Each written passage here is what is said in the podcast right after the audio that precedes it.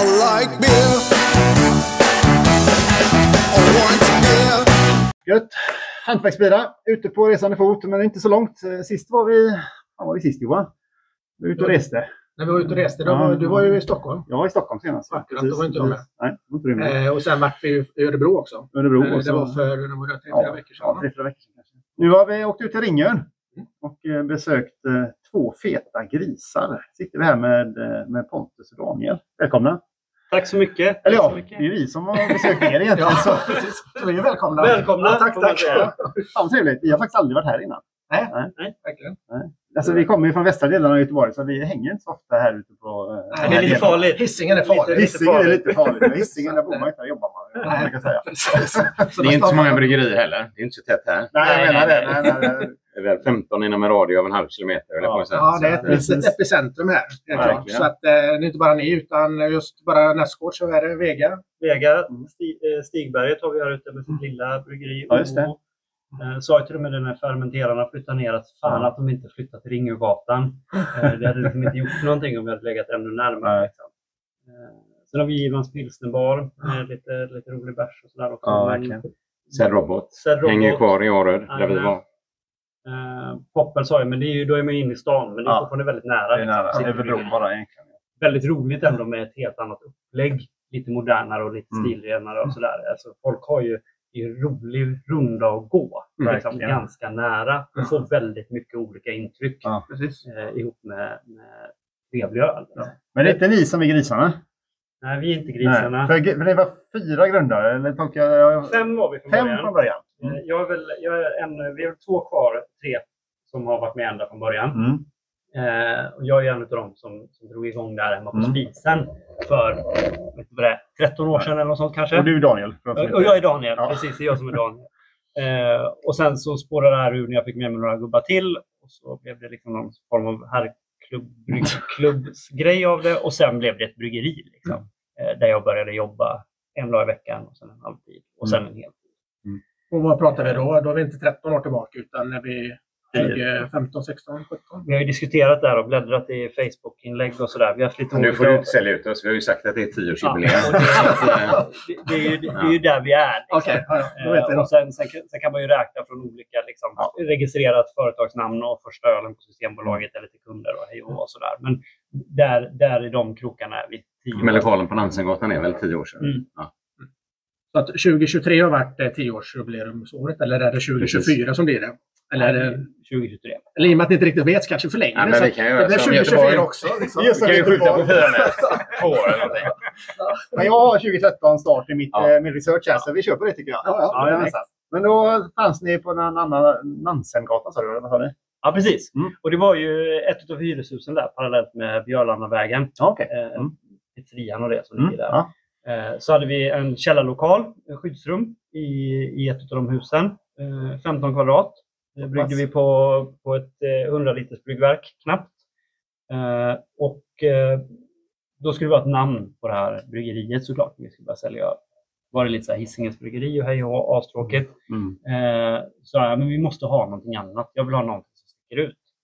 Eh, och grejen var att när vi flyttade in i det här huset så var det en jordåker runt hela huset Mm. och så gick det två stora grisar där. Mm. Eh, sen då killarna sa ja, men kan vi inte göra någonting med de här grisarna? Så jag började skissa lite grann, två feta grisar och sådär.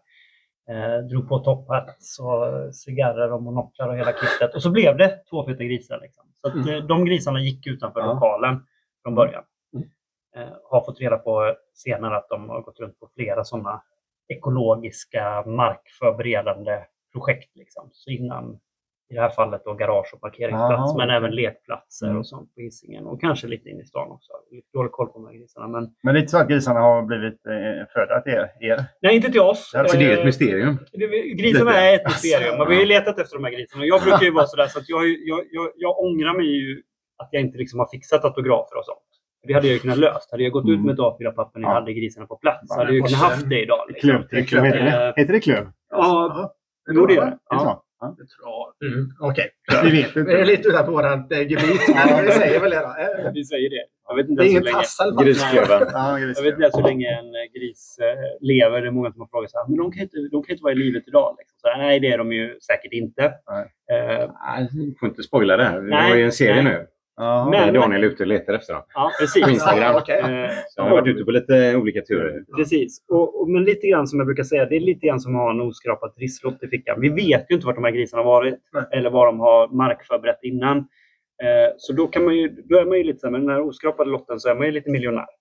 Eh, så länge man inte rör den. Mm. Och grisarna är ju för mig lite samma sak. Jag kan ju stå här och titta ut över den här, bort mot den här nya skyskrapan. Och så kan jag vara lite så här att ja, så länge ingen bevisar att det inte var grisarna som var markförberedda där så kan jag ju säga att det var våra grisar Ja. som la grunden. Mm.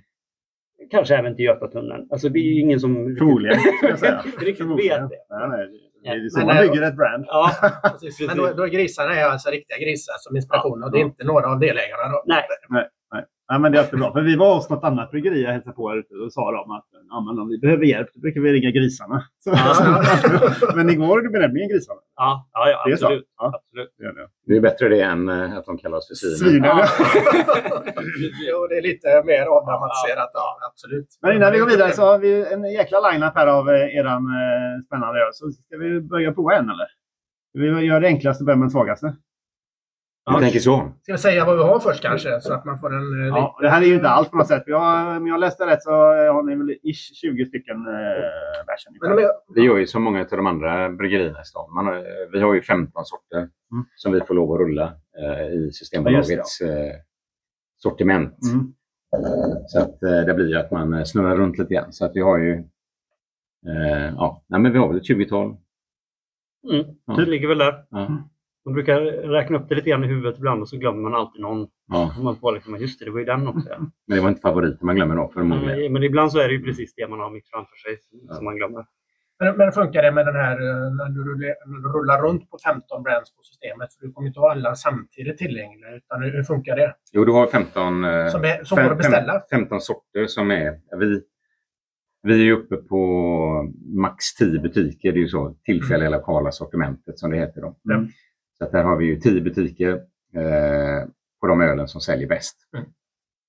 Eh, och sen så har vi då 15 sorter som vi får lov att ha eh, samtidigt. Utöver lite säsongsöl då, som påsk eller jul och sådär. Då.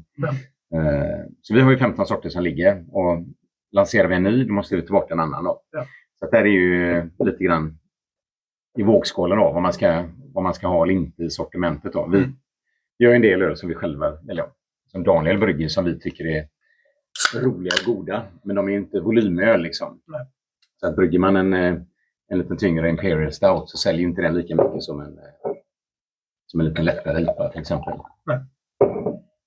Så, så, okej, så då registrerar du upp egentligen 15 varumärken och det är de du kan leverera till Systembolaget? Och, Ja, vi har ett avtal, så varje, varje sort har sin, eh, ett avtal. Och sen när, eh, så väljer vi, när vi ska lansera ny, då måste vi ta bort den. Ja. Och då väljer vi vad vi ska ta bort. Men jag menar, det finns ingen krav att du måste ha de här 15 tillgängliga hela tiden?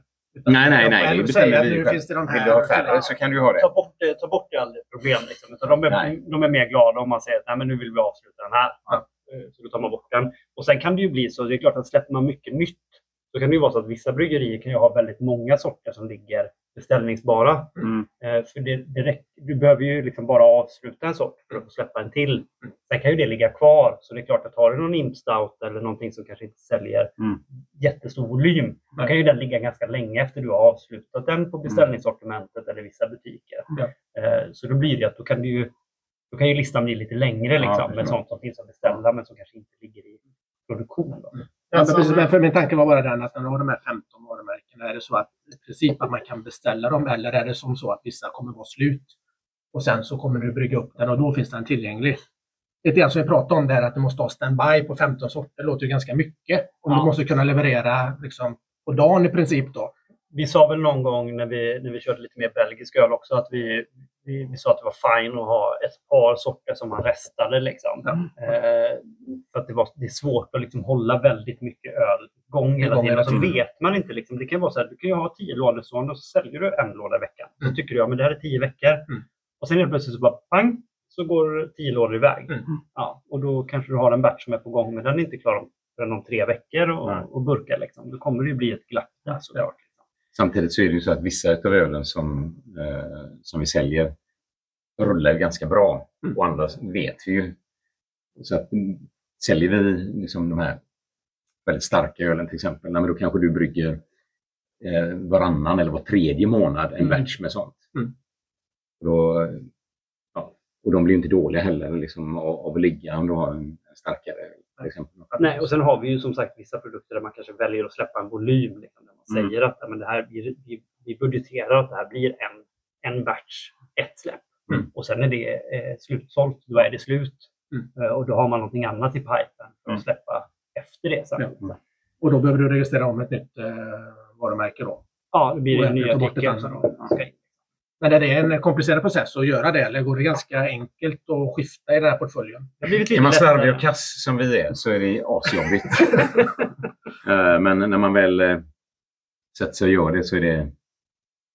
Ja, Pontus, du har ju fått tag i den bollen och du gör det ju bra tycker jag. Men det är lätt, det är lätt att missa. Ja. Det är mest, det, alltså, alltså, systembolaget är jättebra, liksom. men, men det, det, är liksom, det, det är lite gjort för att missar du att fylla i en ruta, ja, då blir det fel. Mm. Och då, då missar du den lanseringen. Mm. Liksom. Eh, lite så är det. Mm. Eh, kommer, kommer proverna in en dag för sent, ja, men då är det för sent. Ja. Eh, och då missar du den månaden. Mm. Sen kan du få uppskjutet en månad eller Mm. sådär. Liksom. Eh, men eh, Vi skulle ju släppa våran eh, eh, huslager som vi kallar för en fet lager. Den har vi inte ens med här. säga. Men eh, jag tror vi skulle släppa den i maj. Men eh, ja, det gjorde alla, alla fel som någonsin gick att göra. Så nu släpper vi den i januari. Liksom. Så vi har, vi har tappat hela sommarförsäljningen, hela hösten. eh, Och så ja, jag släpper en, en ljuslager först i januari. jag tror första började, började ju med att jag sålde två lådor på privatimporten. Det var ju första, en av de första missarna vi gjorde. Nej, det var Vienna-lagen. Ja, det kanske var Vienna Ja. som var så. Ja. Det var en annan produkt. En det, annan var, lager. det, var, det var också en sån grej. Som så här, och sen så skickar man in etiketterna, allt är klart och hej och hå. Och då visar det sig att nej, men det här artikelnumret får ni inte använda. Nej. För det har ni ju använt redan. Det har jag förträngt. Det är ju så tragiskt att vi bryggde ju en öl som vi själva tyckte var jävligt god och bra. Ja. Men den har vi inte ens sålt på Systembolaget. Nej. Det sket i det. Så den har jag liksom betat av en pall med en jättebra bayersk eh, bärs. Liksom. Ja. Men nu har vi en eh, Mertzen här vi har hällt upp. Ja, Yes. Också en lager. Den, och den har ju eh, er nya grafiska profil på, på burkarna här. Den skiljer sig extremt mycket faktiskt. Ja, absolut. Den är rätt så ny då gissar jag. Ja, Men nej, men den släppte vi eh, som sagt eh, i... eh, Den släppte vi ju nu i november. Mm. Så var det ju. jag är ungefär sådär, så jag kommer ihåg ungefär ja. en dag fram och tillbaka. Det är ungefär där mitt liv är. Så att, händer någonting förra veckan, då får jag nästan gå in och kolla anteckningar för att ha koll på vad det var. Liksom. Eh, Det är lite den världen vi lever i. Ja, men det här med grafisk profil det är lite roligt. Alltså, vissa bryggerier har gjort det till en, eh, en konstart. Att alltså, göra konstverk av sina burkar och gör det jättebra och jättekul. Vi valde ju väldigt länge att bara tugga på och köra eh, ungefär som Pripps, på att säga. Med, med, med sa- samma logga fast vi har liksom haft lite olika färgnyanser på dem. Då. Men eh, sen så har vi ju fått feedback och en del köp, kan ju aldrig tänka sig köpa våra öl för att det är ju kalanka. Liksom. Ja, Så att det är ju en del som tycker att det, det är lite ploj. Ja. Och då så sa vi det. Nej, men, eh, vi kan ju testa. Vi kör en annan profil. Så den här eh, bärnstensfärgade lagerölen som, vi, som är Märtsen då, den, eh, den gick lite fort så den etiketten var egentligen inte sån. Den, den var inte riktigt... Eh, Genomarbetad menar du? nej. Men vi sa skit i det, vi kör. Det, det jag Så- tänker på den är att det bara är en gris då. Ja, det är ju ett lager också. Det är ju liksom Ja, det är ju- bakdörren på ett lager. Liksom. Ja, Det är en gammal lagerlokal på Ringön där. Men det, Den som har smitit. Ja. Den andra är kvar då. Kommer ni byta på alla, alla, alla öl? Vi kommer köra de här två parallellt. Mm. Eh, Så vi släpper ju även lite nya öl Mm. med, med den, det låter ju tråkigt att säga den gamla designen, men mer den inarbetade designen. Mm. Eh, Som Pontus nämnde så funkar det, det funkar jättedåligt på vissa och det funkar jättebra på andra.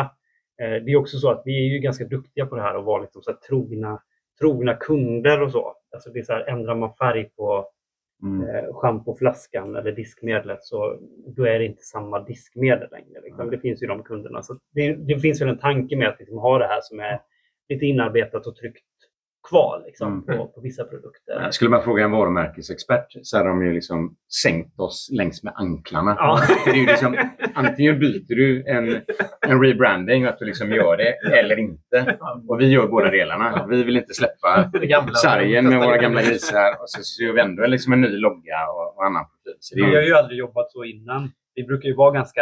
ja, vi har ju väldigt... Det, det, det är ungefär som ryssarna. Vi kör ju sådana riktiga, eller kineserna liksom. Fem eller tioårsplaner fast vi, vi bryter dem efter en vecka så kommer vi på nej det var inte så bra. Vi testar någonting annat istället. Och så gärna tre vägar samtidigt. Ja. Eh, Och så glömmer vi av den röda tråden. och så. ja. Men eh, Ja, men det är ju kreativt då kanske istället. Ja, mycket idéer kreativt, och ja. mycket Ja. förändring och vi lever i en föränderlig värld. Men det är klart att det är en faktor i, i som vi sa, inarbetade varumärken är ju igenkänningsfaktor, självklart. Eh, och eh, det är så mycket värde i det också. Eh, men man måste också behöva testa nytt och prova och se vad som händer. Mm. Och Apropå prova, experimentera. får jag dricka den här ölen? ja, det, det kan jag. Men okej, så att då har vi då en eh, Märzen lager, 5,5 procent. Två feta grisar. Alltså det är ju en klassisk. Ja. Jag tycker den är lite mer kolsyrad kanske än en tysk Märzen. Kan ni... Ja. Men det gör ingenting för vi har så många öl som är halvplatta. Så det, är liksom, det, det är gött att ha något med lite kolsyra. Det väger upp. Det Ja. väger upp. Ja, men den har en schysst eh, typ brödig maltsmak. Mm. Alltså, du får ju, den sticker igenom Mm. eh, på klassisk manér. Som du sa, lite mer kolsyra kanske. Mm, mm. Men det är ganska len och ren munkänsla på den. Men det är ju ett oförskämt litet glas för att vara Märzen. Och Ja. eh, Det här provningsglaset. Det är ingen oktoberfest. Nej, eh, känsla i det inte. en liten eh, markerad väska. Ja, tycker jag. det en väskprofil? Absolut, så att den... Eh, Märzen kan ju ha det lite grann. Vi var ju nere till och Österrike här nu i Mm. somras och körde ett eh, Märzen Helles Race. Och om de dricker mycket Helles så saknar du ju detta. Mm. de, blir, de har ju inte den markerade väskan och de blir ju lite plattare i sin karaktär och det ska ju den stilen vara lite grann. Men det kan jag tycka upp, uppskatta med den här är att du får ju både lite mer bättre väskan, du får den lite mer brödigheten och eh, det här med kolsyran tycker jag också var lite spännande faktiskt. Mm. Att du fick lite mer liv i den. Mm. Eh, trevligt, definitivt tycker jag. Vad det är lite så här, svenska marknaden också så är det ju de här jäkla bubblorna man faller tillbaka på så, Ja. så ofta. Liksom. För det är ju svenskar och, och öl så är det ju alltså, kolsyra. Åker de över till England så tycker Ja, de ja. att allt är superavslaget och varmt och jätteäckligt. Liksom. Lära folk det här liksom, Mm. att men det, kan, det går att dricka en öl Mm. mycket lägre kolsyra också på andra sätt. Liksom. Ja. Eh, Men allt handlar ju om hur du balanserar dem och vad du vill upphäva också. Ja, och sen står folk också, då plockar de ut ölen iskall i kylskåpet och så häller de upp den superförsiktigt. Liksom, så här, IPAn eller stouten eller vad det än är och så ska de testa det liksom, och så tycker de inte att det är gott. Mm. Nej, kanske inte blir så bra. Liksom. Nej. Eh, Men när- ni gjorde den här, vad hade ni själva för idé då? Ja, men alltså grejen eh, är ju att vi, vi har inte, vi har inte egentligen fokuserat på lager på, på många år. Och sen så eh, bestämde vi att vi skulle framförallt eh, med det här huset när vi flyttade in här i januari 2021 så sa vi liksom att vi, vi måste ju ha husöl. Liksom. Mm. Vi, vi måste ju brygga lager. Och då bryggde ju Daniel eh, den som vi kallar för fetlager. Sen så har vi ju ett klientel i det här huset som är klassiska lagerdrickare. Liksom. Mm. Nästan stor stark som man ibland får försöka liksom, locka med någonting annat. Mm. Och då, då är det ju roligt att ha fler grejer eh, än bara en, en, ursäkta, en, en, en ljuslager som inte man själv går ner i spagat för om man säger så. Mm. Eh, så det här tycker, ju, tycker vi är ett jättebra komplement Mm. till att ha en, en lättdrucken lager som du kan lura på någon som inte normalt sett de tror inte att de tycker om sånt där. Nej, Eh, så säger man, men, men prova den här liksom. Ja, men, och då är det ju som sagt, det är ju, sticker ut med lite mer karaktär och gör att det är lite roligare än, än, än en vanlig ljusöl. Liksom. Mm. Du pratade om, om kåken här. Innan eh, ni flyttade hit så var ni ute på Aröd också. mm, stämmer. Jag vet inte, jag höll på att säga, men det var ett gäng år. Ni hade tvärtom där ute. Ja, vi, vi klarade av två, två, två lokaler där ute. Två till och med. Mm. Eh, vägg i vägg i och för sig. Så vi börjar med en lite mindre garagelokal och sen och där kom ju Pontus med i bilden eh, i den vändan. Och sen så uppgraderade vi oss lite till eh, grannrummet eller lokalen. Eh, lite större. Och där, eh, Så nu vet jag inte om du försöker glamor- Ja. glamorisera. Det var ett garage. det var ett garage Det var liksom och sen en flyttade vi en rektangulär- Ett litet schakt. Det fanns inte toalett, Det fanns liksom inget kontor. Det var bara... Nej, det var bara ett garage. Vi hade fått in en lastbil där i bästa fall. Mm. Det. Ja. Det var ju två rum. Vi hade ju lite separat jäsrum. Fast Ja, utan, ja, utan ja, golvbrunn. Ja. Eh, Så jag jobbade ju lite speciellt där. Eh, Men, och sen så bytte vi till en, en lite, lite större lokal. Men var ju, ja. Eh, Men där hade vi möjlighet att öppna ett taproom. Mm. det var ju där vi den, Mm. den svängen. Mm. Och det verkar ju fallit väl ut, för Tepromon är ju här också. Ja, På och det är något som har varit, liksom, när vi pratar om det här med att sälja öl till krogen och, och lönsamhet och hej och hå och så där, så är det ju någonting som har varit, liksom, det man ser att bryggerierna gör, det är att man vill ha, man vill ha egen servering. Mm. Eh, både för att kunna sälja sin öl själv, eh, men också för att det lokala har ju blivit mycket mindre. Ja. Alltså, ser man ju liksom hur utvecklingen har varit i USA också, liksom, där det kanske var ja, men du drack ett lokalt öl så var det från delstaten till liksom staden, Mm. gatan och så till att man nästan ska, man, man vill ju sitta i bryggeriet. Idag så har vi många som gärna alltså skulle man kunna haft ett akvarium i jästanken Mm. med två stolar så hade ju folk velat sitta i, i ölen och druckit den. Liksom. Eh, man vill vara så nära, nära som möjligt. Mm. Eh, så, så har det blivit så. Mm. Och sen så hittade Pontus den här lokalen för padden. Och så såg vi att det fanns en möjlighet att flytta med bryggeriet och även få till en riktig restaurang då. Så det är taproom, det är restaurang, det är paddel, det är konferenslokal, eh, you name it. Ja, vi- Och bryggeriet. Och bryggeri såklart. Dart och sen håller vi på med fem, femkampen nu då. Så det är liksom, vi vill ju ha aktiviteter att Ja. erbjuda i huset. Så det är mer än bara bryggeri. Det är ju liksom Alltså, ett, ska man, eventcenter. säger man. För att inte gå in på den deppiga eh, linjen här då, så är det liksom, det finns ju, det fin- det finns ju väldigt få bryggerier som, som går bra idag. Mm. Och för att få ihop eh, sina verksamheter så måste du bredda. Liksom. Du måste ha intäktskällor någon annanstans. Och för oss så är det ju tre ben. Det är ju produktionen och sen så är det ju serveringsverksamheten som vi har med restaurang och taproom. Och sen paddel kan man ju tycka att det är jävligt eh, fjantigt att kombinera. Men eh, det handlar ju om att dra folk. Liksom. Mm. Så vi behöver ju få gäster. Och då får vi ordinarie öldrickare, både ölnördar och eh, vanliga eh, stor stark eh, Kalle. Mm. Och sen så har vi paddelspelare som tycker det är kul att, att dricka bärs och käka och kombinera. Så att, eh, det handlar ju bara om att, att försöka få flera intäktsströmmar. Liksom. Och sen var ju den nere i bryggeripubben. var jättemysig bryggeripub. Mm. Där ni serverar, eh, vad är det för typ av meny som ni kör där? Alltså vi kör ju vi, kör- vi, vi kör egentligen två olika spår kan man säga. Det ena är ju att vi vill ju eh, eh, servera bra pubmat Mm. eh, för ordinarie gäster och då har vi ju världsberömda, höll jag på att säga. Nej, men vi har ju eh, Ribs nu i helgen. Vi hade, eller helgen är ju helg fortfarande, men eh, torsdag, fredag så hade vi stora sällskap och där är det är säkert 20-25 personer som kommer fram och de liksom bugar och bockar framför eh, kocken. Alltså ribsen, och de säger att det är det bästa de någonsin ätit. Så det är ju en signaturrätt. Sen så har vi ju schnitzel och smashburgare och sådär. Köttigt, som vi sa att vi inte skulle ha, men det är det folk vill ha. Ja, hamburgare det, det, det tog vi hand på och lovade dyrt Ja. och heligt. Och gick, Skulle vi aldrig servera här. Det, ska Det skulle vara speciella, det som vi ska ta och sånt. Nej, vi ska, det kommer inte stekas en hamburgare i vår restaurang. Liksom. Och så inser man att det, det går ju inte. Nej. Och då när man börjar titta, när man liksom Mm. tittar med de ögonen när man går in på andra restauranger och matställen och så ska man gå igenom en jättefin meny och det kan vara italienskt och hej och så står det längst ner så här, och så det som vi måste ha på menyn så är det tre olika hamburgare. Liksom. Eh, och det är ju, riktar man sig mot företag och sånt också, grupper, då är det ju Mm. många som säger ah, men vi kan köra, vi kör hamburgaren till gubbarna. Det blir bra liksom. Eh, Så att det, det, det får man väl det passar alla. det gör ju det. Och det är väl lite som IPorna idag. Liksom. De Ja. flesta vet vad de, vad de får. Så Ja. att, och hamburgarna är ju där också. Liksom. Att, ja, men det, det är väldigt lätt att ta det. Men det, det roligaste som... Eh, det är ju för ett år sedan lite drygt så började vi med ett koncept som vi kallar, då- eller inte kallar, det ett begrepp, Beer Makers Dinner.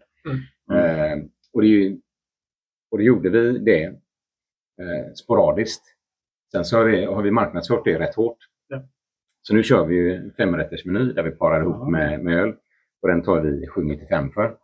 Eh, så det är fem, fem, eh, fem öl såna här och eh, fem rätter. Då. Mm. Och och eh, fullbokat var, var, varannan var tredje vecka. Ja.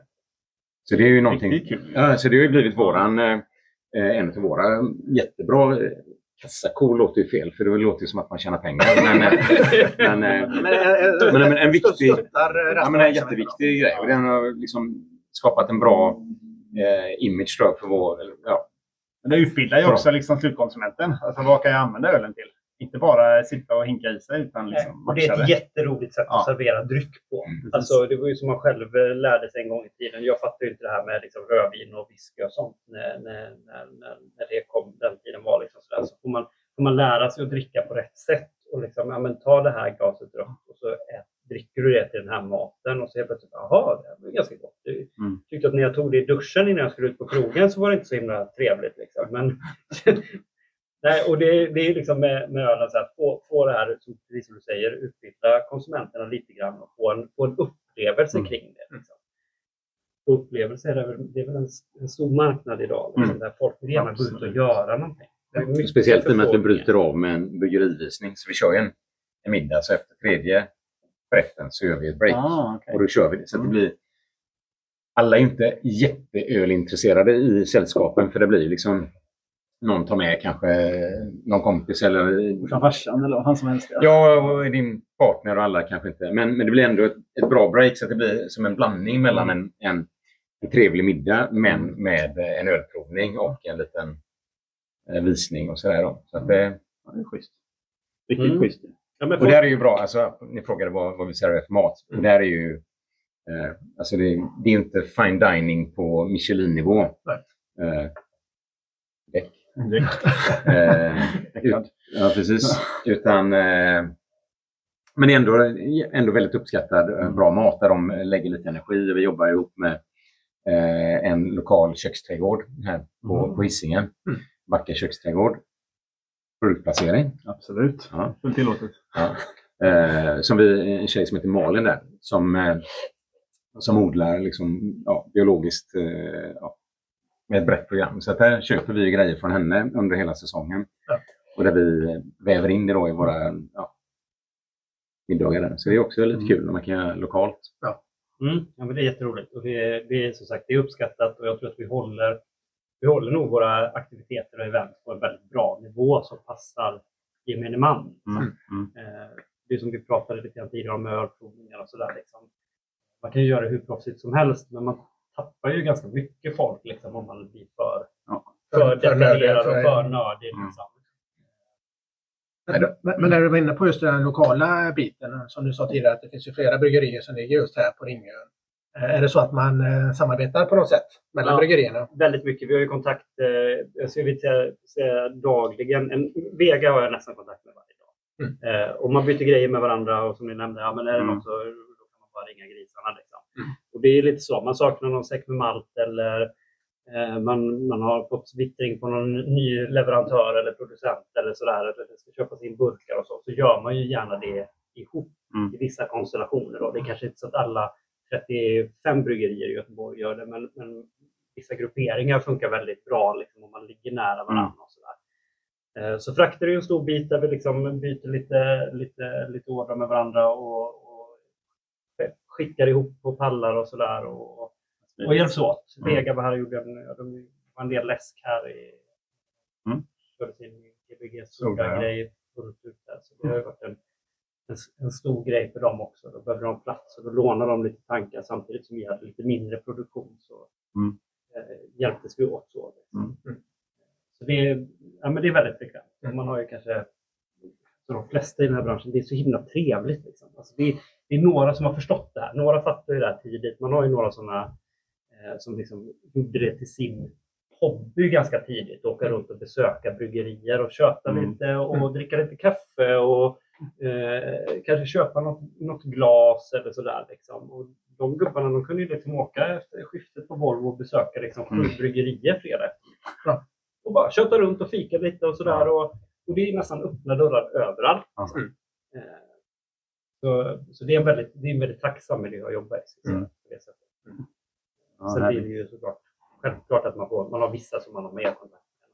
Ja, jo, man klick, klickar ju bättre med vissa än andra. Ja, men så är det alltid. Men det här Gothenburg Brewers Guild som det eller heter, är det en organisation som egentligen alla bryggerierna är med i Göteborg? Eller är det liksom valfritt? Eller hur funkar det där? Vi har inte riktigt haft någon koll på den. Jag sitter ju med i styrelsen där. Ja, då har du bra koll i alla fall. Ja, Det hoppas vi. tillräckligt. Tillräckligt för att veta att det är med styrelsen. Ja, jo, nej, men, eh, ja, men det är väl både... Eller, de flesta bryggerierna är ju med där, absolut. Så att alla, Det är alla- frivilligt. Ja, det är frivilligt eh, så att du måste inte vara med där. Men alla är ju med utom ja, något väldigt Mm. hobbyaktigt, höll jag på att säga. Men annars är ju alla med där. Mm. Eh, men själva, själva gillet som vi kallar det är ju egentligen eh, mest aktiva när det gäller att eh, skapa eh, en medvetenhet om, om, eh, om bryggerierna i stan och försöka jobba mot Göteborg Company med på Mm. festivaler och, och, och göra de grejerna. Sen så har vi försökt göra mer gemensamma aktiviteter med inköp och sådär. Men det är ju som Daniel säger, att det, det blir mer på individnivå mer idag. Att, eh, behöver Daniel någonting så har han ett nätverk med de som, som är intresserade av att göra grejer ihop och då gör man det. Liksom. Mm. Så att det finns ju ingen, eh, inget kooperativ där man Nej. gör grejer eh, ihop på, på, på bredare front. Så. Det har väl funnits en önskan, liksom, och det, men det är väl väldigt lätt att man tänker att ja, men vi, köper in, vi köper in råvaror eh, till allihopa. Liksom. Men det, det, blir ju, det blir ju snabbt ett så stort företag. Ja. För det är lätt att tänka att så här, ja, men då kör vi hem en hel trailer med malt. Så, så löser det sig. Men det, det, det Nej, blir och sen- någon sen- ska ju jobba med det. Någon ska ju Ja, stå på det här. precis. Någon ska ju ha lagerplatsen och någon ska stå där och dela ut de här vem tar ansvar om någon kommer och ska hämta sina säckar med chokladmalt och de inte finns kvar där för att Mm. någon annan har råkat tagit fel? Eh, så det, den, är, den är lite svår. Liksom. Plus att det finns ju några bryggerier som, ja, som har tagit volymsteget. Liksom, så att de behöver ju inte... Eh, de köper ju själva liksom, Ja, fulla trailers med allting det de behöver med, med olika saker. Så att vissa, Ja. vissa bryggerier behöver ju inte vara med i, i Nej, det är väl det är helt, mer- det är helt logiskt också. Det är Ja. liksom så här, man, man kan väl vara sur över det, men det är, det är helt självklart att det är så. Och sen har man ju åt andra hållet också, de som är så pass små, så ska man beställa något så liksom, då kan man inte, man kan inte ta hem liksom extra volym och ha liggandes i ett halvår. Eh, och ska man ta hem en säck malt, då, då kan man lika gärna ta frakten på det. Mm. Det är inte värt liksom, att vänta i, i två veckor för att få det samkört med någon annan för att tjäna 150 kronor. Liksom. Eh, så så det, är helt, det är helt logiskt Mm. att det, det blir så. Men diskussionerna finns. Att Mm. man vill göra mer ihop. Ja. Och det, det, ja. Jo, men klart, men det är många viljor kan jag tänka mig också. Ja, nej, men framförallt så tror jag att det som är eh, styrkan med, med, med gillet är ju att eh, alla är med. Så Mm. att ska man göra någonting mot eh, festivaler och, och, och annat så har du ju liksom en, en jättebra community där, Mm. där alla kan vara med. Mm. Och då, då, då blir man en enad front. Eh, nackdelen är att alla bryggerier har det väldigt tufft. Alla har väldigt mycket att göra. Så att du kan inte skjuta in resurser för att, för att hjälpa till så mycket ideellt. Liksom, utan alla eh, kämpar ju på sina, liksom, Mm. med, med sina verksamheter. Ja. Så att det gör ju att eh, prioriteringen går ju före med det egna bryggeriet än kollektivet. Ja, såklart. Innan vi traskar vidare så eh, tycker jag, nu har vi ändå provat den här eh, märtsen först och främst. Vad, vad tar vi sen då? kör vi en A-röd nästa tror jag. En A-röd. Kan du hälla upp där borta så länge Johan? Får du beskriva den lite grann då? Ja, A-röd är ju sådär svensk, engelsk, Göteborgsfyndigt. Eh, det var ju när vi flyttade till våra lokaler i Aröd. Eh, så blev det en, eh, en eh, Red Ale eller A-röd Ale. Det var väl någon av mina, mina kollegor som kom på den, den smarta idén. Och jag sa, sa väl bara tack egentligen. Och den där röda färgen är ju inte jättelätt att få till liksom. Så att det blev väl någon brown ale-variant. Eh, vi ville ha en session IPA, lätthumlad. Eh, den skulle ändå vara torrhumlad, men väldigt lätthumlad för att ragga liksom, kunder, de som inte hade riktigt lärt sig det här med, med humlen. Eh, och så skulle det ju vara lite mörkare då, så då är det rostat korn. Eh, eh, fyra kilo tror jag ungefär det är. Det är väl det som sätter det mesta av färgen i den. Eh, och så gjorde vi den här och så tyckte vi den var bra och så släppte vi den och sen tyckte vi inte längre att den var så himla rolig. Liksom, för det släpptes väldigt mycket så här superhäftiga IPer och jättemycket impstoutar och sånt. Och det här var liksom varken eller. Så vi sa lite grann att men vi, vi kör ut det vi har och så producerar inte jag något mer utav det. Eh, och så kommer utvärderingen från Systembolaget. Det går ju så när man har produkter som ligger eh, kontinuerligt så får man utvärdering varje år. Eh, och det är det som vi som konsumenter handlar på Systembolaget. Det är det som finns där. Eh, så då kan man ju förlora butiker eller bli utkastad eller få fler butiker om det säljer bra. och Sådär. Och Arare gjorde precis det. Eh, så jag hade slutat producera den men så fick vi liksom tre butiker till. Va? Suck på den liksom. Så bara, men då får vi fortsätta, jag får brygga lite mer Arare då. Eh, och sen flyttade vi till Ringön och då sa vi att nu, nu måste vi plocka bort produkter. Eh, och då var den återigen då en av de som vi sa, nu, nu åker den. Liksom. Eh, och så fick vi tre butiker till. Och så är det en av de som ligger på tio butiker som vi har som max. Mm. Och, och tugga väldigt sådär, sådär skönt tempo. Vi säljer ungefär lika mycket hela tiden, Mm. mer eller mindre av den här. Och den ligger och tuggar på. Vi, har liksom, folk, alltså, det är många som har förstått att den här ölen funkar liksom bra till husmanskost Ja. en tisdag. Funkar bra på fredagen också. Liksom. Och, eh, och då får man väl då får man hålla det. Liksom. Och jag har väl själv fattat det. Liksom, att så här, stek, kör man lite bruna bönor och, och fläsk en dag liksom, så så funkar den här ölen inte. Men det är ju 4,8 procent. Det är ju en Mm. extremt bra bulköl. Liksom. Hög hinkabilitet. Ja. Det är Jag har lite- inte- jag har inte hunnit dyka in där riktigt än, men eh, bara man doftar på den så får du ju härliga... Men det är lite grann också det här- Lite citrus. Ja, men det är eh, citrus och lite maltighet och sådär. Liksom, och eh, inte jättekomplicerat. Liksom. Men den röstade malten gör ju ändå att det Ja. blir lite, lite roligare karaktär. Mm. Så att det är en eh, lättdrucken men ändå lite smak. Sen så är det ju det här liksom med att ha en portfölj. Och det är ju som när vi pratar Märtsen. Liksom. Nej, men den, fyller, den fyller en funktion i vår portfölj. Framförallt när vi har eh, egna kranar och sådär. Liksom. Eh, och det är samma med den här. En jättetrevlig ale. Ja. Check på den. Ja, precis. Men som du säger, den, den har ju hög drinkabilitet. Ja. Definitivt. Och en fräsch eh, touch, tycker Ja. jag. Nej, men det är, Sen är det en liten eh, maltkropp i den. Mm. Ja, det bästa också känner man. Ja, lite det, är lite, men- det, är- det är lite mer det traditionella. Jag, jag Ja. vurmar ju lite för det. Jag, en del öl blir lite för beska och sådär. Liksom. Och speciellt när man har, har bytt utrustning och bryggverk och sådär. Mm. Då får man ju labba ganska mycket med det. Liksom. Nu har ju trenden med alla humlejuiciga öl gått mot liksom en lägre beska och Mm. mer smak. Eh, Men jag kan ju tycka att som en, som en dubbel-IPA, liksom, bå- både, både de sorterna som är gula och juiciga med lite lägre beska är ju trevligt. Liksom. Men jag kan ju också uppskatta det här lite mer traditionella när de är Mm. lite mörkare eh, och har lite mer maltig karaktär och sen har den här långa eftersmaken Mm. också. Liksom. Ibland så är man lite sugen på det. Man vill ha någonting som liksom Hänger kvar. Hänger kvar och lite hänger kvar lite Ja. grann. Liksom. det var lite Ja. lustigt för när du, när du la ut eh, eh, din Tussilago, hazy, hazy. Ja, precis. Och så hade du plockat Tussilago. Och det är ju en av de ölen. Jag tycker den är, är jättetrevlig. Men den är nästan, för mig så är den på gränsen för besk. Liksom. Den är en, en bra klipp den bästa. Mm. Ja.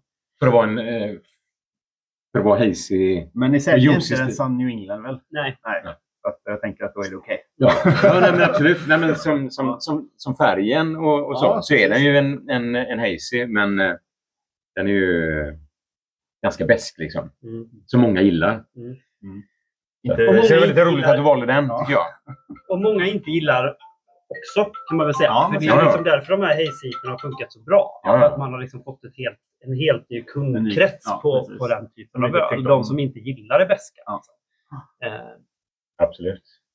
Och det är väl det som är så roligt med öl. Alltså Ja, det finns ju så himla mycket produkter.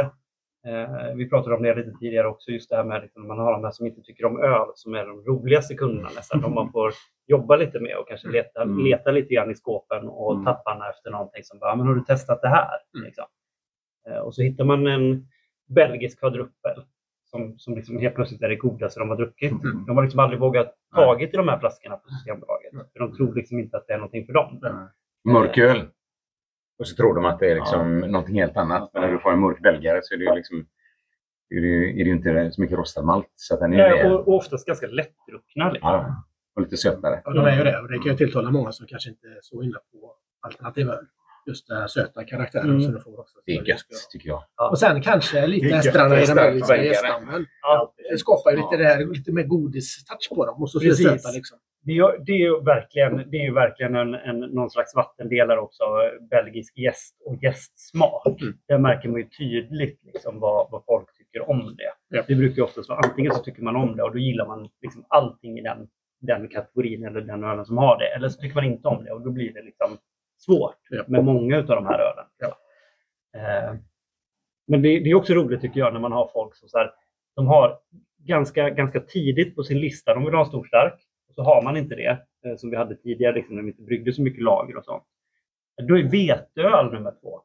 Jaha. Eh, så. Mm. Ja, men då tar jag en veteöl. Mm. Eh, för det är liksom, och det, det är ganska stor skillnad. Ja, Alltså, man kan säga att det finns mycket öl däremellan som, som liksom är mer lättdrucket än en veteöl. Liksom. Eh, men veteöl, det, det, det, det kan man. På något sätt. Mm. De har liksom, det har funnits Mm. länge och man har varit kanske ute och rest och druckit lite sån öl och sådär. Så, ja, men då tar jag en veteöl. Mm. Då är det, liksom, det är steg två. Mm. Liksom.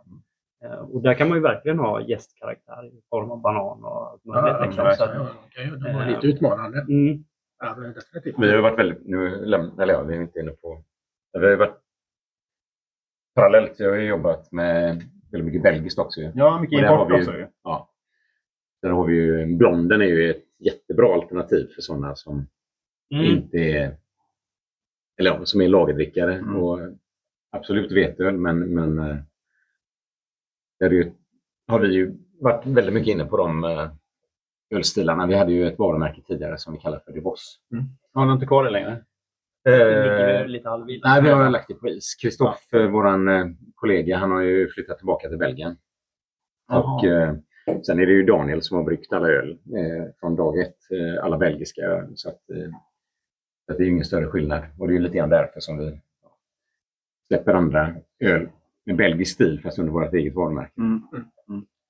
Men det är lite, så här, vissa som är, det är lite, det är lite svårt att hålla liv i, i, i, den här typen av produkter. Jag, jag var ju inne på det själv, veteöl, om vi återkommer till det. Det var en av de, de ölen som jag ville släppa på Systembolaget.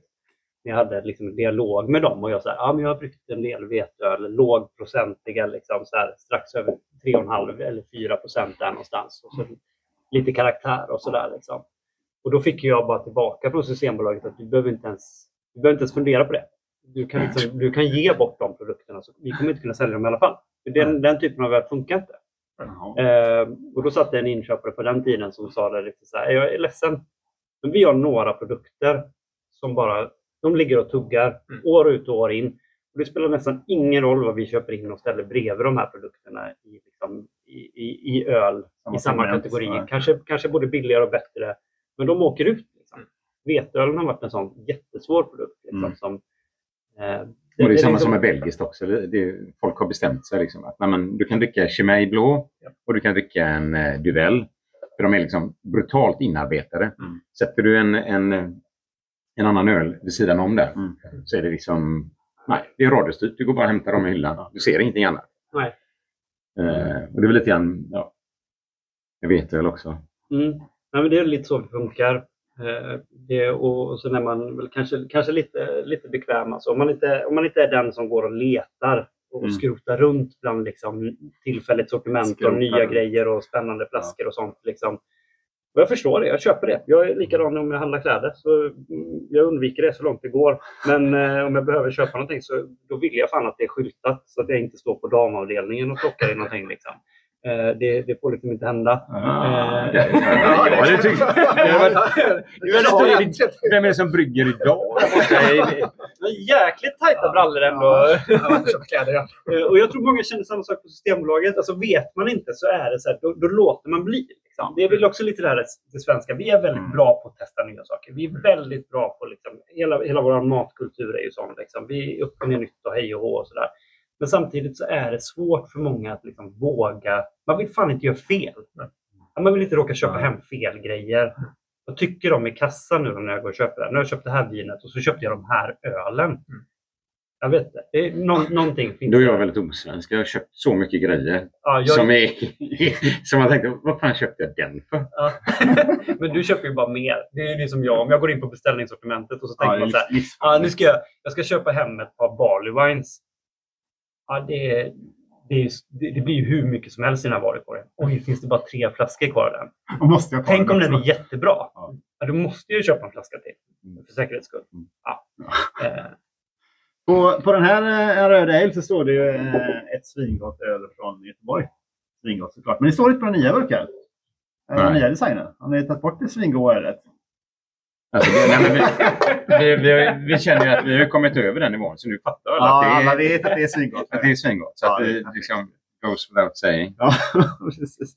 Ja, det är ju underbart. Ja, tanken var att vi, vi tar bort all onödig text, så Ja. att du skriver ingenting mer än det som måste vara där. Less is more på något sätt. Ja, det är svårt där. E- e- e- Etikettdesigner, det är Ja. sådär. Om man tar fram öl till företag så brukar jag vara väldigt noga med att säga det så här. Dra inte ut på det här för det kostar pengar. Mm. Eh, var tydliga med vad ni vill ha. Mm. Eh, vi har ju sett att med liksom så här, ett, ett, ett, ett ganska stort gäng delägare och, och, och liksom diskuterat runt varenda produkt man ska göra med liksom så här. Nej, men det ska nog vara lite mer blått där och hej och hå." Så jag och Pontus sa att nu, liksom, nu tar vi det här. Och så, så, liksom så här, släpper man en ny öl så det är jättekul att ha en rolig design. Mm. Men det är ju liksom ingenting som man kommer få leva med hela livet. Liksom, det, det är liksom, ja, när du sa det så jag reflekterat över det. Nej, men vi sa att vi skulle ta bort allt onödigt. Så sitter jag och tittar på den här så har vi en Facebook-ikon. Logga. Ja, den är också och, och Instagram. Alltså, det är ju inte så att någon på en lördagkväll efter en tredje Im- Imperial Stout går in på Facebook och försöker hitta oss där. Han har gjort det ändå. Men- Eller inte. Men vi har mitt telefonnummer på alla burkar. Ja, och det är ju du som... eh, Jag såg på och- det. Precis. Folk brukar säga det så här, hur, hur går det? Liksom? Ja. Jag fick faktiskt ett samtal här för bara några veckor sedan. ja, Ja, klockan ett på natten. Ja, hade jag missat. Men annars har det hänt en gång innan att det är någon som har ringt på en lite udda tid Ja. och kanske varit lite överfiskad, men väldigt glad. Men annars så är det faktiskt hur lugnt som helst. Det kanske ändrar sig nu då om ni går ut med det här så kanske jag får mycket samtal som helst. Det gör inget. Men eh, då, hade jag, då, då var det en kille som hade pratat in eh, telefonsvar eh, och, och tyckte, jag tror att det var Columbus, nej Kåman var det. Ja. Eh, andra dubbel va? Jäkla god bärs där. Så satt hörde man några kompisar i bakgrunden som Åh, ringde du eller? Men det var klockan ett på natten. Ja. Åh, jag pratar in det här! Ja. Ja, det är kul med positiv feedback. ja, absolut. Men du snackar lite om det belgiska fokuset. Ni, har ni ett importbolag också som tar in lite belgisk öl? eh, Alltså, vi har jobbat- eller? Ja, men vi har jobbat med det mycket, men vi är på väg att fasa ut det faktiskt. Mm. Fullt upp med det egna? Ja, men det är lite så. Vi, jag och Daniel och så har vi någon kollega till som eh, och den personalen som vi har jobbar ju dygnet runt. Tillräckligt mycket, Ja, nej, men alltså, det är lite så. Och sen så eh, ska jag inte låta mer bitter än vad man kan vara tänkte jag säga. Men det är väldigt, alltså, jag har jobbat med ett bryggeri som heter Castell. Mm. Eh, och de har ju flera kända varumärken med eh, Filou som vi har släppt på Systembolaget och de har, eh, vi släppte nu en jättebra eh, Lambic Krik under Saint Louis som varumärket heter. De har jättemycket, framförallt så har de ju jättebra kvadruplar och eh, jättebra öl. Mm. Men eh, det är svårt att sälja till restauranger. Alltså vi kan sälja i Stockholm, men det är som jag sa lite tidigare. Ja. Eh, går du till en krog här i Göteborg så är det liksom, nej. Det Det är kört. ja, Första inköpet var ju roligt också när jag tog in ljus, ljus belgisk öl och, och humlig belgisk öl. Det var det krögarna ville ha. ska vi inte hänga ut eh, de kollegorna vi hade som gjorde det. Men, men det, eh, det är så svårt det var- där, liksom, vad, vad, vad, för, för en kund kan säga någonting. Liksom, men jag vill ha det här. Mm. Men så är det någonting helt annat. Eh, och jag kan ju tycka att ljusa belgisk öl eh, kan vara jättelättdrucket och jag kan dricka det Mm. vilken dag i veckan som helst. Men, men det funkar ju inte att byta ut en stor stark mot det. Liksom. Det, det, det gör ju inte det. En belgisk tipper eller blond eller vad det kan vara. Liksom. Eh, och, och pratar man humle så är ju belgarna, de, är ju, de har ju en, en lång tradition och väldigt mycket bra öl. Men, men sälja någonting i Göteborg som, som belgarna har skrivit humle på. Liksom. Eh, det, då får man ju spö. Alltså, för det smakar ju inte humle. Det kanske är lite, det är lite beska. Liksom. Eh, så att, eh, liksom, har de gjort en hoppy så är det väldigt svårt Mm. att sälja det som en humlig öl. Mm. Liksom. Om någon vill ha en IPA. Eh, så det, det är lite Men svårt. framförallt så är det ju, alltså kopplingen är ju att vi, vi själva, eh, både jag och Daniel, är, tycker det är väldigt roligt med belgisk öl. Det måste, Så- så- det borde ju alla tycka egentligen. Jo, nej, men alltså, det är ju Alltså- det som...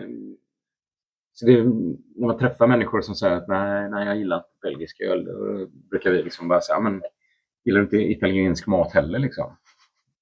Alltså det, det är jävla skillnad på en ossobuco och en pizza eller en carbonara. Liksom. Det är liksom, så är det ju med belgisk öl. Att det är ju sånt enormt spann med mycket roliga grejer. Så vi har ju, alltså, du har ju bryggt, eh, vi har ju, ja, vittbiren och vi har ju haft blond och vi har dubbel, trippel, kvadruppel, kaffekvadruppel och, och alltså. Så att eh, så att vi tycker det är roligt eh, med belgisk öl. Sen är det ju smalt. Och producera det i, i Sverige eh, och sälja. Är man inte, liksom, som jag sa tidigare, är du inte en Westmalle eller en Chimay Mm. eller en Rockford eller de här liksom, så eh, och ska du dessutom ta lika bra betalt Mm. eller bättre betalt som vi behöver göra Mm. än vad de kända varumärkena är, då blir det ju också svårt. Liksom. Vi har ju eran trippel här. En helt ny produkt va? Yes. Typ eh, ett par... Eh, vi har ju gett oss fram på att vi, vi ska köra ölprovningar eh, året runt.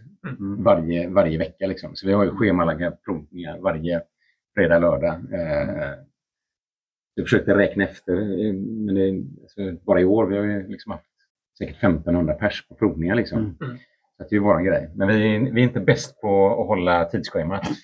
För ibland så kan vi snacka för mycket. Ja. Så att, vad var eh, rekordet då? Fem timmar? jag vet inte om det var så länge. Men, eh, Efterlysta polisen dyker upp. Men fan. Ja, men eh, det, ja. Ja, men men vi, ska fått- göra, Daniel han är, ju, han är ju bäst på det. Han gör ju provningar på en och en halv timme. Ja. Eh, Effektiv. Men det, det, Ja. är, det är sällan. Det det var för någon vecka sedan här när jag sa det. Att bara kolla klockan. Jag lyckas hålla det på en och en halv timme. Ja. Nej, men vi... eh, Sen beror det på, alltså, och det, det vet väl du också, med vad, är, vad det är för eh, människor man har med och vad det är för grupp. Liksom. Är de väldigt intresserade och tycker det är roligt och, och, eh, och att det blir mycket samtal och frågor, ja, men då, då kör man på. Liksom. Så att, eh, ja. Ja. det svåra för oss, det är, det är liksom så här, för att det, vi, det vi insåg här kanske förra veckan då, när det körde ihop sig lite grann med kök och restaurang och sådär. Det är att vi har ju inte, vi har ju kanske inte riktigt behövt ta hänsyn till det innan. Utan innan så har det ju varit så att då har ju ölprovningen, det har ju varit liksom lite Ja. våran grej. Mm. Så att det, har- liksom, allting har varit, hängt Ja. runt den. styra Och så helt konceptet. plötsligt så har man kanske ett kök som står med liksom, det ska ut 20 tallrikar någonstans emellan här Mm. och, och räkna med att den här ölprovningen ska vara klar så att det kommer några sällskap och ska äta. Mm. Och, och så kommer de och frågar liksom, hur går det? Nej men jag har nog en timme kvar. Mm. Fast du ska ju vara klar nu. Vi räknar med att den här, den här Mm. maten ska ut Ja. nu. Ja. Eh, för det var det du sa. Mm. Eh, ja.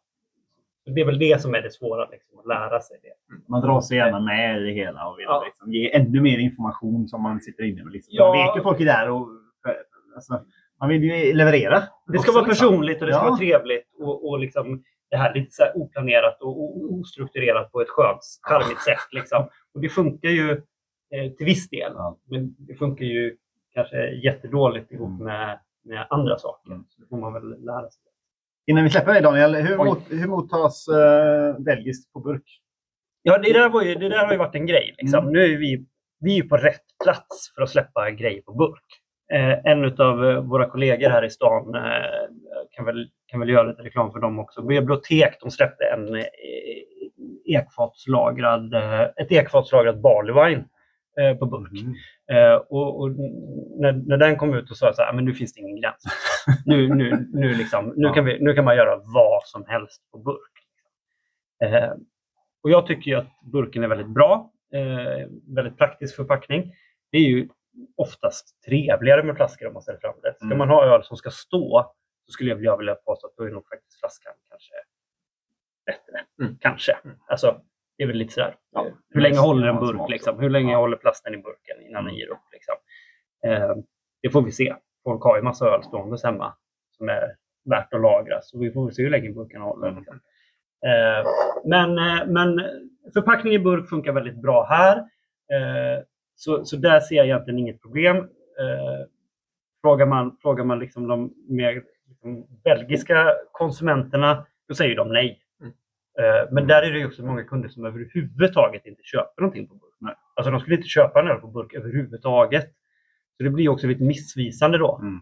när vi har kunder i Göteborg som primerar burk. Alltså när det börjar komma IP från, från eh, andra sidan och sådär, liksom, då, då, då efterfrågar ju folk burk på krogen. Alltså så här, men man vill ha burkölen före flaskölen. Men just nackdelen med, med de belgiska är ju när du inte, när du inte kan eh, göra efterjäsning eller andra jäsningen. Ja, det blir lite flaskan. Så, annorlunda. att- så du får inte, får inte den kolsyran på samma Nej. sätt som du får en, när du har en sån stark öl. Eh, så att en trippel på 9% här Ja. skulle man ju gärna... Men efterjäsning på burk vet vi hur det funkar. Ja, men det, inte. nej, det är lite, det är inte det bra. är, det är lite känsligt det där. Om man, om man, men skulle man ha exakt koll så det, är väl- det är väl klart man skulle kunna göra det också, men det är väl kanske inte det optimala. Nej. Men om man pratar om den här eh, trippen lite grann då. Eh, är det något unikt med den? Har du gjort det på något speciellt sätt med den?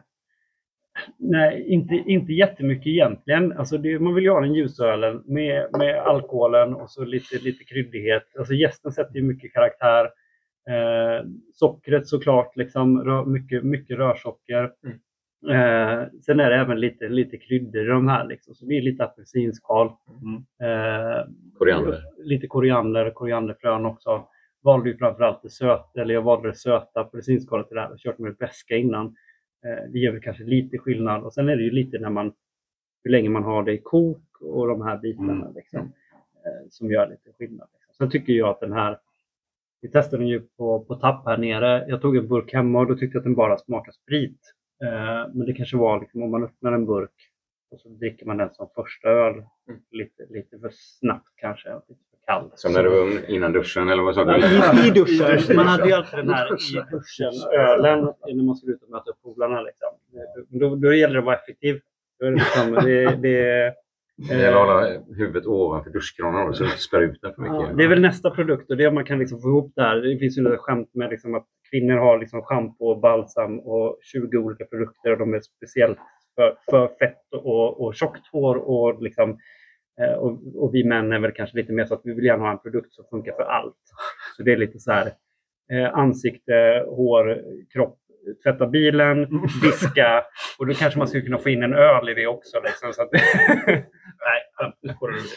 Optimal produkt. Nej, men jag tänkte det var kul. Jag tänkte just fråga dig om just koriandern.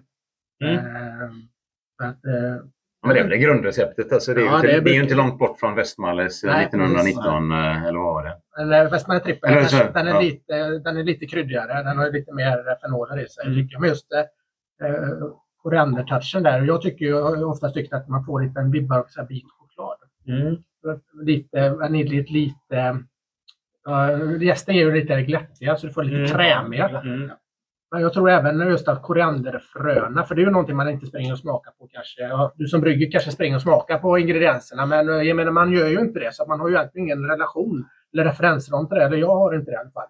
Eh, Men det var inte för så länge sedan jag kunde på något sätt koppla ihop den upplevelsen med just koriander. Mm. Eh, Och sen är ju- därför var det, när jag smakade på den och tänkte jag det här måste nog vara koriander i den här också. Mm. Ja, men för det, visst, det är mycket belgisk öl som är krydda, men det är ju inte alls som du får, framförallt så framträdande toner som du får på den här tycker inte jag. i. Ja, korianderfrön är ju precis som du säger lite speciellt. För det är ju oftast kanske inte det, det första kryddan man plockar hem, fram hemma som eh, anti-allo-kryddan. Liksom. Eh, jag hade inte varit i kontakt med det innan jag började brygga den här typen av öl. Eh, så sparar jag lite korianderfrön hemma eh, när man odlat koriander. Liksom. För det är ju en helt annan krydda än själva korianderbladen. Liksom. Ja, jag personligen kan inte äta den för den tycker jag smakar diskgras. mm, Vilket eh, en del tycker. Ja, det är ja. väl någon genetisk defekt ja. Men, just, men fröna är ju helt annorlunda. Ja, det är ju inte alls den vibban, inte alls nej. samma eh, karaktär. En helt annan grej. Ja, jag är ledsen, men jag måste Ja, lämna det er. helt rätt. Det är supertrevligt att ha er här. Spännande. Supertrevligt. Eh, verkligen. Ni får väl hålla...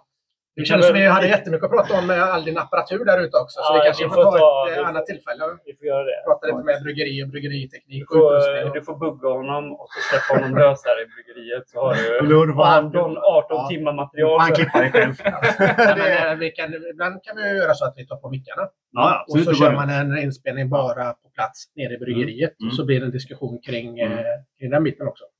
Även om jag måste lämna nu så ni är alltid, alltid välkomna. Det är jättetrevligt att vara här. Supernice. Tack så mycket och tack för att du ville komma. Tack för att du tog dig tid. Kanon. Ha det bra hörni. Ha det bra. Samma bra. Vi hörs och ses Pontus. Det gör vi det. Det gör vi.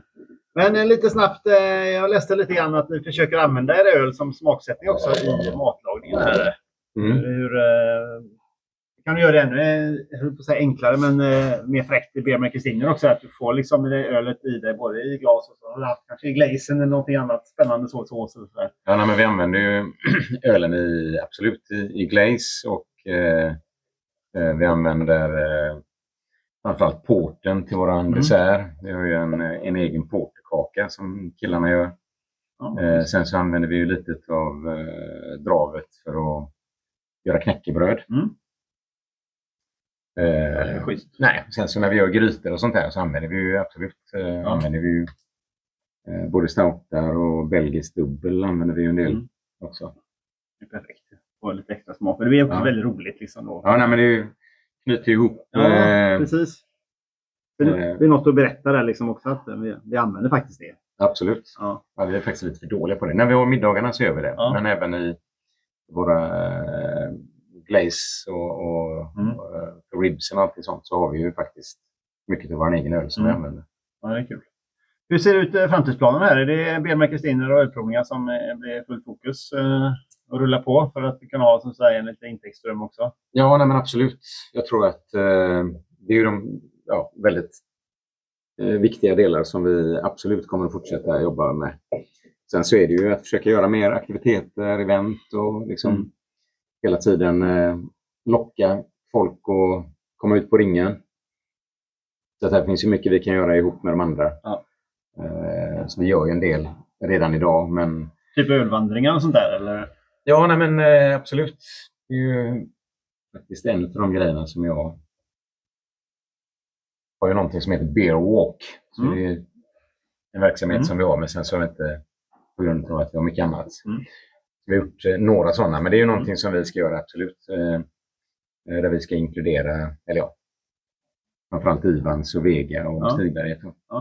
Och tanken att man har en liten runda egentligen. som Ja, man- ja, vi har gjort det några gånger, men då har vi haft Poppels med. Men det, promenaden över älven blir lite... Ja, det är lite... Den är lite Ja. lång transportsträcka liksom. Jag gissar att man inte får eh, ge dem en promenadöl heller. Utan, eh, Nej, det precis. måste vara inom tillståndets eh, ramar. Så att Ja, inom tillståndsramen. Ja, Jag har sett, Den inkluderar inte bron. Nej, det är inte bron. Det blir jobbigt att söka till den tror jag. sett lite alkisvarning ut kanske. Och silhuetterna över, över bron där med gubbar som... Ölvandringen. Ja, ölvandringen, ja. Det Ja, blir precis. ölvandringen. Den stora ölvandringen. Ja. Ska vi prova en rackare till eller? Absolut. Och vilken, vilken väljer du här nu då? Alltså jag skulle faktiskt eh, vilja köra Columbus, våran eh, dubbel-IPA. Som inte är en... Ingen hazy, men en... Eh, tycker jag trevlig. Maltig och drar lite åt sötare hållet som jag Ja. gillar. Spännande. Spännande. Ja, och jag gissar att det är Columbus eh, humle då, eller? Precis. Är det en singel eller är det fler sorters humle i den också? Ja, det är framförallt Columbus. Eh, Merparten i alla fall. ja. Eh, som är till Daniel. Ja, jag vet. Eh, men, jag var eh, lite taskig att sätta den eh, frågan till det där. Nej, eh, det är en annan humlesort. Ja. Jag funderar på vilken det är. Om det är... eh, Citra har vi ju använt väldigt mycket. Ja, den var rätt så oklar ändå. I alla fall den här matchen, Ja, vill jag säga. var den verkligen. fan vad gött. Det var ju en bonus. En bonus, ja. ja. Men är nere i eran eh, eh, pub eller i eh, restaurangen här så står det ju Two Fat Pigs istället. Ja, alltså vi, alltså, Kör ni både och liksom? Eller? vad? nej, men vi hade en, en, eh, vi hade en skev eh, tanke där liksom, från början. Så tänkte vi att vi måste liksom få folk att förstå att vi har ett bryggeri och så har vi ett taproom. Mm. Och sen så har vi en restaurang och de ligger inte på samma ställe.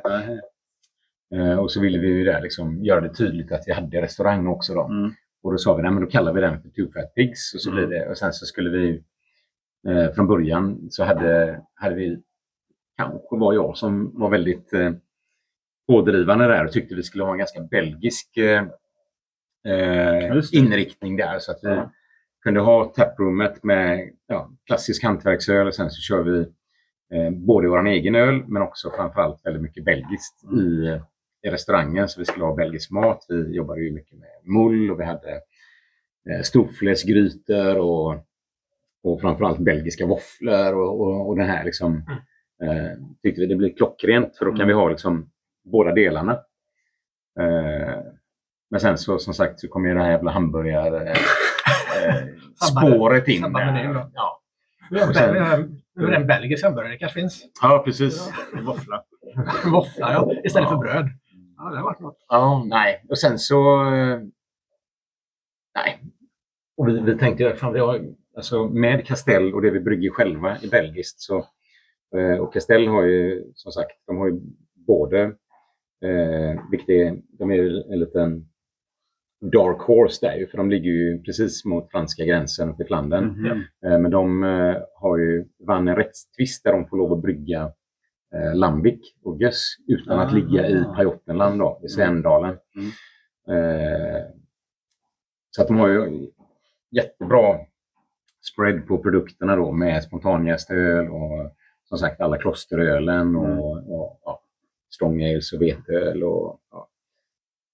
Så vi tänkte ju liksom, ah, fan, här kan vi ju säkert få en hel del folk att komma hit och tycka det är extra kul för då hade vi ju på tapp så hade vi ju hela tiden liksom fem, sex eh, belgare på, Mm. eh, på tapp då, utav Mm. de tio kranarna som vi har i restaurangen. Mm. Så några av mina kollegor tyckte jag var dum i huvudet. Så fan, måste jag ha mer egna grejer och sådär. Så ja, nej, nej, men det är ju roligt att ha en mix då. Mm. Eh, men sen så, nej, vi fick inte riktigt den belgiska svungen som vi hade Nej. räknat med. Nej. Så det var bara att backa bandet och så Ja, kör vi Ingen Cowboysa-stilen här på Hisingen med hamburgare och god bärs. Ja. Precis. Då har vi då dubbellipan här. Yes. Yes. Den var väldigt humlig för att inte vara humlig. Eller förlåt, Eh. eh, hazy för att inte vara hazy. Ja. Ni pratade om det precis eh, här ju.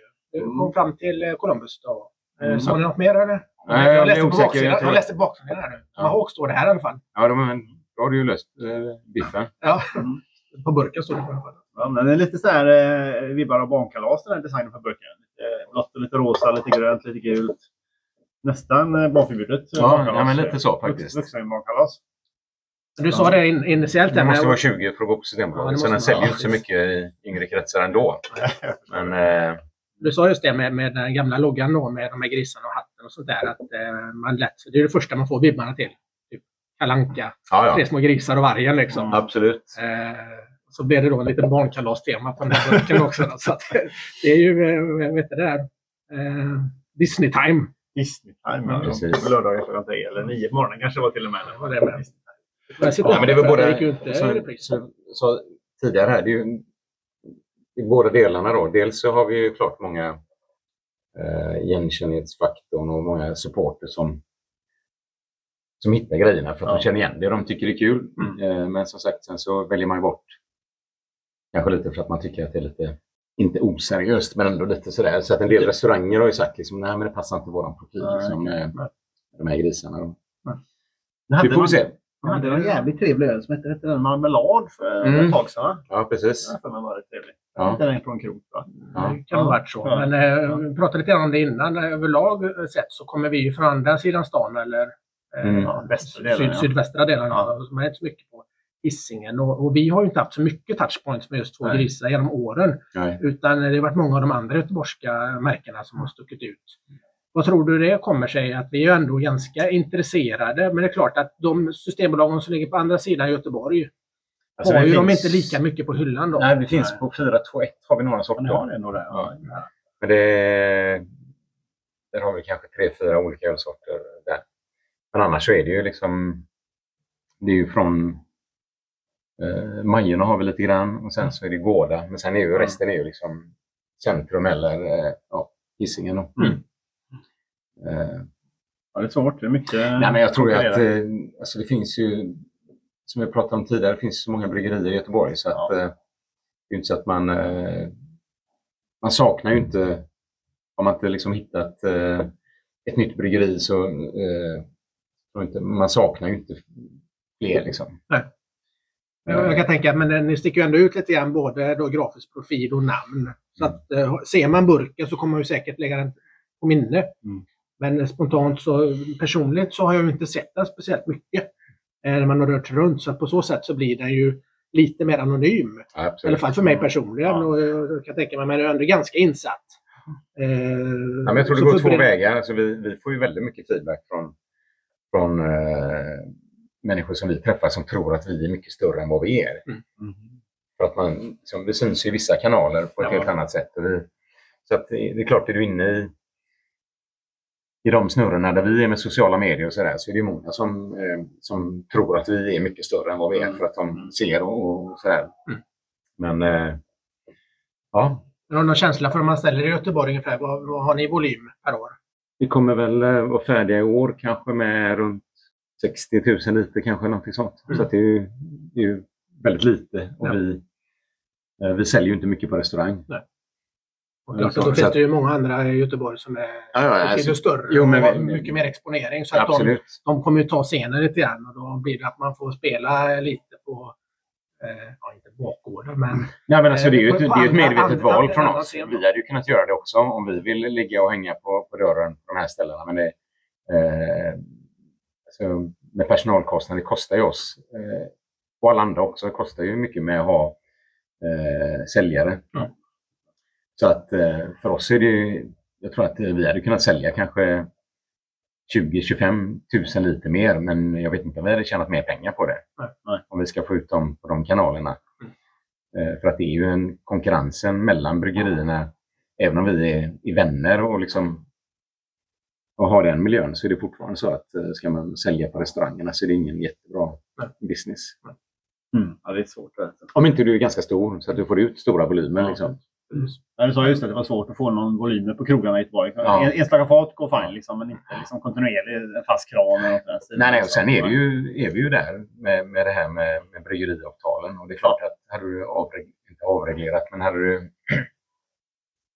hade du haft eh, fler restauranger som hade varit freehouse och inte varit bundna av uh, Spendrups och Carlsberg och Åbro Mm. och Kopparberg och de här. Då hade ju marknaden varit helt annorlunda. Då hade du kunnat, kunnat göra deals med restauranger och, och eh, haft... Det är klart, då är det ju andra kostnader också för då ska du ju sköta eh, fatanläggningar. Anläggningar och allt sånt där. ja. Jo, men Ja. det, det är ju en, en, en, tuff konkurrens. Men ändå tycker jag är fascinerande att eh, vi har så mycket bryggerier i, i Göteborg. Vi pratade om det tidigare lite grann också. Att, eh, att på något sätt så har ju det nästan blivit en snackis internationellt också. Att vi är starka här på hantverksöl i Göteborg. Och det är kul. Men det är klart att för, för, för de som är aktörer i det området så blir det ju tuff konkurrens. Och det blir ju mindre liksom, yta att exponeras mot.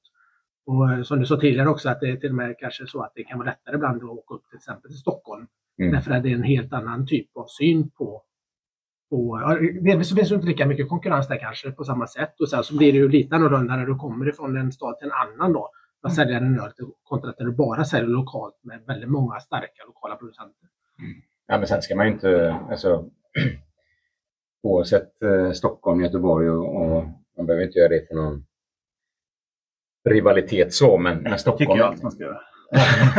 Nej, men Stockholm är, det är, ju, det är en helt annan grej. Alltså, det, är ju, det är ju en stad som är mycket, mycket större och lever sju dagar i veckan. Ja. Tittar du på en restaurangförsäljning, där kan du ha restauranger som har Alltså de gångerna som man är uppe i Stockholm. Du kan ju gå ut på en måndagkväll och det känns som en lördag klockan 22 i Göteborg. Smockfullt, ja. Ja, fullt på krogarna. Så de, det är klart att eh, eh, jag tror att många restauranger i Göteborg de, de har ju sin försäljning. Det är ju liksom fredag, lördag. Mm. Lite grann kanske på veckorna sådär liksom. Men i Stockholm så tror jag att där har du liksom en jämn försäljning. Så att eh, har du sju dagar där du har samma försäljning som du har i Göteborg på en fredag, lördag. Mm. Så är det klart att volymerna blir också mycket större Mm. Eh, på de här restaurangerna. Ja, liksom. och, och reliansen. Ja, man vågar köpa in. Och, men då kan jag tänka, det jag var inne på det, då kan man tänka att eh, om ni kommer in på den scenen, om då blir ni en outsider. Då kommer ni utifrån och det kan ju vara intressant kanske att testa det för att det är ju någonting som man normalt sett kanske inte har lokalt.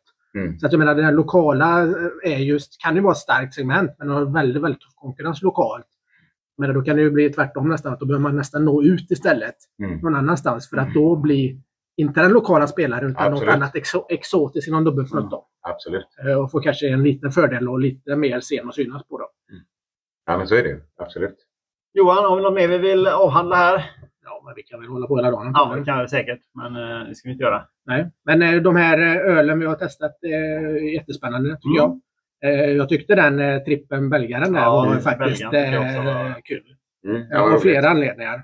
Eh, så den kanske vi kan gå in djupare någon annan gång och, och prata om. Eh, Mertzen eh, tyckte jag var väldigt fint balanserad. Alldeles för liten. Eh, för liten. Ja, det var för liten, eh, för lite öl menar du? Ja, sen Meltzer ska ju... För att vara en eh, seidelöl. Ja, precis. Och dub, dubbellipan där, den hade ett intressant... Eh, den var ju bra beska i den också. Ja, bra bäst. Eh, tycker jag. Inte bara det här, för att jag tycker ibland när man pratar eh, dubbellipa, det blir lätt att du får eh, kanske är lite för mycket restsötma kvar i den, de produkterna. Och jag tycker att de blir lite, lite för söta. Ja, det här var torrare. Ja. Den här var torrare och de framförallt hade en beska som balanserade upp Mm. det. Som gjorde att den blev, eh, tycker jag, mycket mer gemytlig än många andra dubbellitor som blir lite för sötstiskiga. Eh, Det är bra allround-öl. Mm, faktiskt. Sju, åtta sådana i kylen. Ja, inte mer så behövs ju. perfekt. Ja, tack så mycket Pontus och Ja. Daniel får vi tacka i efterhand. Eller, ja, Tack själva. Kul att ni Ja. Jävligt kul. hittade hit trots att vi är helt okända och ni har aldrig varit här. Och... Eller? Precis. Men det är det vi jobbar på nu. Ja, ja, precis. Ju vidga våra vyer från västra Göteborg. Precis. Yes. Ha det gött! Ha det bra. Hej. Hej då.